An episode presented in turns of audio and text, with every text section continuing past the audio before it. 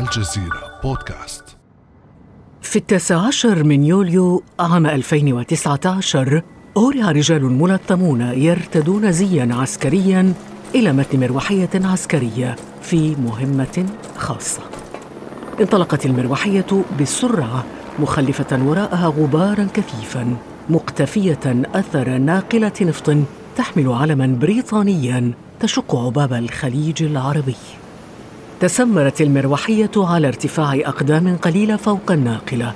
تدلى منها حبل تشبث به أحد الجنود ونزل رويدا رويدا على ظهر تلك الناقلة.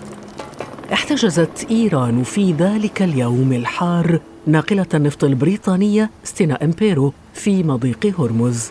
جاء ذلك بعد أيام قليلة من احتجاز البحرية البريطانية سفينة إيرانية في مضيق جبل طارق.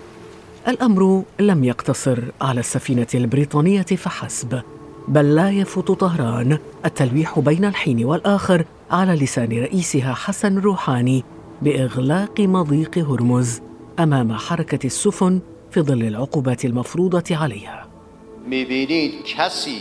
إغلاق هرمز إجراء سهل وبسيط. لدينا أوراق أقوى وأكثر إيلاما وتعقيدا منه.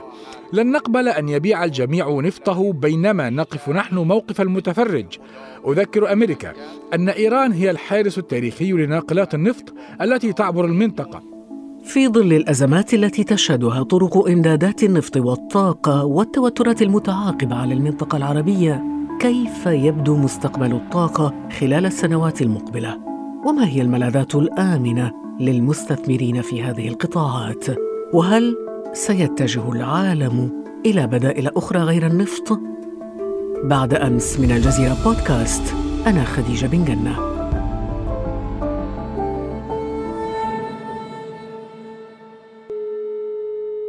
من باريس تنضم إلينا ضيفتنا في هذه الحلقة أستاذة الاقتصاد في جامعة باري نانتير الدكتورة نسيمة أهاب العثامنة أهلا وسهلا بك دكتورة نسيمة. أهلا بك خديجة. دكتورة نسيمة أمام التوترات في المناطق القريبة من خطوط إمداد النفط بين الحين والآخر وربما ما جرى في مضيق هرمز نموذج واضح هل تدفع مثل هذه التوترات الدول للبحث عن خطوط نقل بديلة برأيك؟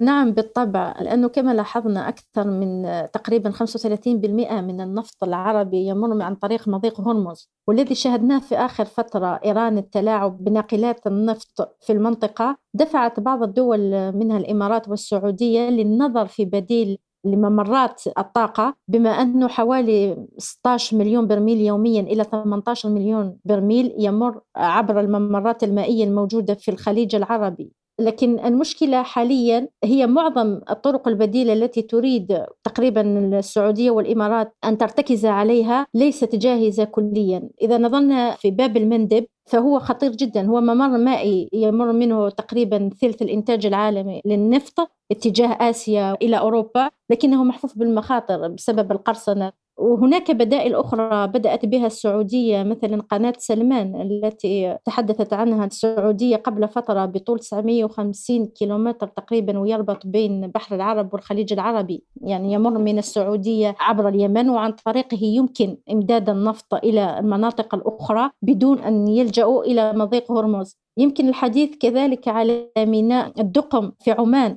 والذي أصبح تقريبا من الموانئ التي يمكن أن يعتمد عليها في تمرير النفط والاستغناء كليا على مضيق هرمز. كذلك خط أنابيب السعودية بترولاين الذي يمر من البحر الأحمر يمكن أن ينقل منه تقريبا من خمسة إلى سبعة مليون برميل يوميا. هذه البدائل كلها تستطيع طبعا ليس حاليا ولكن في خمس إلى عشر سنوات أن تصبح بديلا لمضيق هرمز. وأظن أن تراجع إيران عن مشاذاتها مع أمريكا بسبب هذه الطرق البديلة التي يمكن أن يلجأ إليها دول المنطقة مع العلم أن تقريبا 95% من النفط الإماراتي و90% من النفط السعودي يمر عن طريق مضيق هرمز هل تشكل هذه البدائل بدائل فعلا كافية للتعويض عن مضيق هرمز؟ البدائل الثانية تحتاج وقت كبير وبحاجة كذلك تكاليف عالية جدا باهظة تجعل منها قطب استراتيجي. لكن في الوقت الحالي إذا تحدثنا عن هذه الوسائل كبديل لمضيق هرمز لا أتوقع ولا أستطيع الجزم بأن تكون فعلا هي بدائل لمضيق هرمز نظرا للأهمية الاستراتيجية لمضيق هرمز. على شاشة سوداء كبيرة ظهرت جملة ترحيبية. أهلا بكم. في سوق الأموال السعودية متحركة من اليمين إلى اليسار تتبعها أسعار الأسهم والعملات. في الشاشة الطويلة يظهر مؤشر شركة أرامكو السعودية منكسا إلى الأسفل ملونا بالأحمر ومتراجعا بقيمته. في ثاني أيام مقتل قائد فيلق القدس الإيراني قاسم سليماني في الثالث من يناير 2020 وفي السعودية هبط المؤشر الرئيسي للسوق بنسبة 2% في بداية التداول بسبب التداعيات الإقليمية والدولية لمقتل سليماني. وتراجع سهم شركة أرامكو للنفط بقرابة 1% إلى ما دون مستوى 35 ريالا أي ما يعادل 9 دولارات ونصف. دكتورة نلاحظ إذا سرعة التأثر لشركات الطاقة مثل أرامكو بأي توتر في المنطقة؟ كيف تفسرين ذلك؟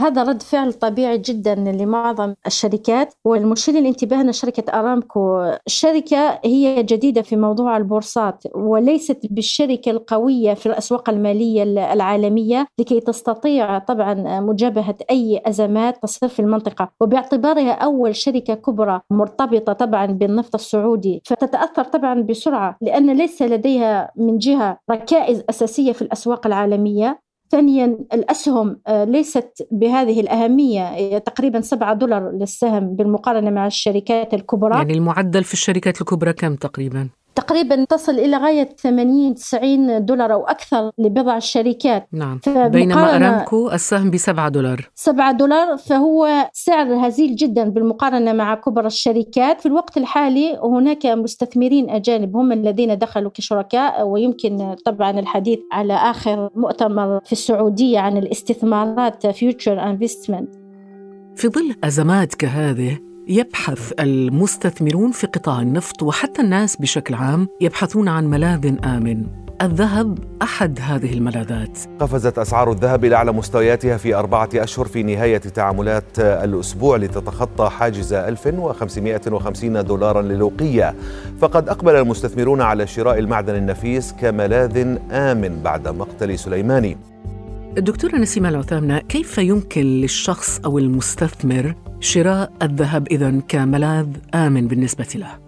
الذهب يرتفع وينزل طبعا ويتأثر بكل الازمات الجيوستراتيجية في العالم ففي الأوقات الطبيعية التي لا يكون فيها أي مشكلة في الاقتصاد العالمي ولما يكون الاقتصاد كذلك في التطور بطبيعة الله الأسعار تكون رخيصة عندما تكون الحالة الاقتصادية والسياسية تقريبا للعالم مستقرة وترتفع الأسعار إذا ما حدثت هناك هزات أو مشاكل. طب في ملاذات أخرى غير الذهب؟ طبعا هناك سندات الدول أو التزامات الدول، اليوم السندات الأمريكية التي زادت بقيمة أكثر من 50% من 2008 إلى اليوم فالسندات الأمريكية موجودة في الأسواق المالية العالمية يعني المستثمرين بإمكانهم شراء هذه السندات. هناك دول أخرى على مستوى الاتحاد الأوروبي كذلك تضع التزاماتها في الأسواق المالية فيمكن للمستثمرين شراء هذه السندات. نعم ولكن هناك عملات أيضا تشكل ملاذات مثل الين الياباني مثلا؟ طبعا الين والدولار يعتبران من الملاذات الآمنة المعروفة جدا في مستوى الأسواق العالمية لكن يجب النظر لمعدلات الفائدة لكل منهما. ففي فترة الأزمات الدولار أو الين يمكن أن يرتفع أو أن ينخفض. فيجب طبعا استثمار بكميات معقولة من أجل تفادي أي هزات ونعتبر تقريبا الدولار أكثر ائتمانا أو أكثر استقرارا من العملات الثانية. في الثالث من يناير عام 2020 استيقظ سكان إحدى البنايات السكنية في العاصمة العراقية بغداد على دوي انفجار هائل حدث قرب مطار بغداد من نافذة البناية وقف السكان يطالعون النيران المشتعلة على بعد كيلومترات قليلة من منازلهم. في الصباح كان وسم الحرب العالمية الثالثة هو السيناريو الأكثر تداولاً على منصات التواصل الاجتماعي، فيما كانت الحرب الاقتصادية هي الأرجح. والأكثر واقعية داخل غرف صنع القرار العالمي. انعكس الحدث مباشرة على أسعار النفط العالمية عقب الساعات الأولى للعملية. أنهت أسعار النفط تعاملات نهاية الأسبوع يوم أمس مرتفعة بأكثر من 3% لتسجل أعلى مستوياتها منذ ما يزيد على ثلاثة أشهر وذلك بعد الإعلان عن مقتل قاسم سليماني. دكتورة نسيمة لماذا تغيرت بهذه السرعة أسعار النفط عقب مقتل قاسم سليماني؟ هو رد طبيعي جدا لمثل هكذا أحداث خصوصا إذا نظرنا لمنطقة الشرق الأوسط التي تحتوي أكثر من 40% من احتياط النفط العالمي. قتل سليماني في هذه الفترة أثر طبعا على أسعار النفط لكن كان تأثير محدود جدا تقريبا 4% فقط في اليوم الذي حدث فيه الاغتيال وثاني يوم لترجع إلى الاستقرار. لكن إذا رأينا كل المحاور التي تحول حول أسعار النفط نجد أنها لا يمكن أن تتعدى خط السبعين دولار للبرميل لماذا؟ لأنه أول شيء الأسواق النفطية العالمية تعودت على هذه المشاكل الاستراتيجية منذ حرب الخليج بين إيران والعراق فالأسعار لا تتأثر لأنه تقريبا كل الدول المستوردة للنفط وكذلك الدول المصدرة لديها التزام أن تحتفظ على القليل باحتياط النفط لمدة ثلاث أشهر يعني مدة 90 يوم. فهذه الاحتياطات تسمح للدول أن تواجه أي ارتجاجات في السوق النفط العالمي. وكذلك منظمة الأوباك قبل أربع أو خمس سنوات اتفقت على خفض الإنتاج لأنه الاحتياط الموجود في الأسواق العالمية عالي جدا. فهو يكفي بطريقة أكثر من كبيرة من أجل سد احتياجات كل الدول. فلهذه الأسباب السعر يرتفع طبعا كردة فعل. نعم دكتورة نسيمة هذا إذا اعتبرنا أن الدول داخل منظمة أوبك يعني متفقة كلها على قرارات واحدة لكن هناك اختلاف أيضا داخل منظمة أوبن بين الدول المصدرة للنفط.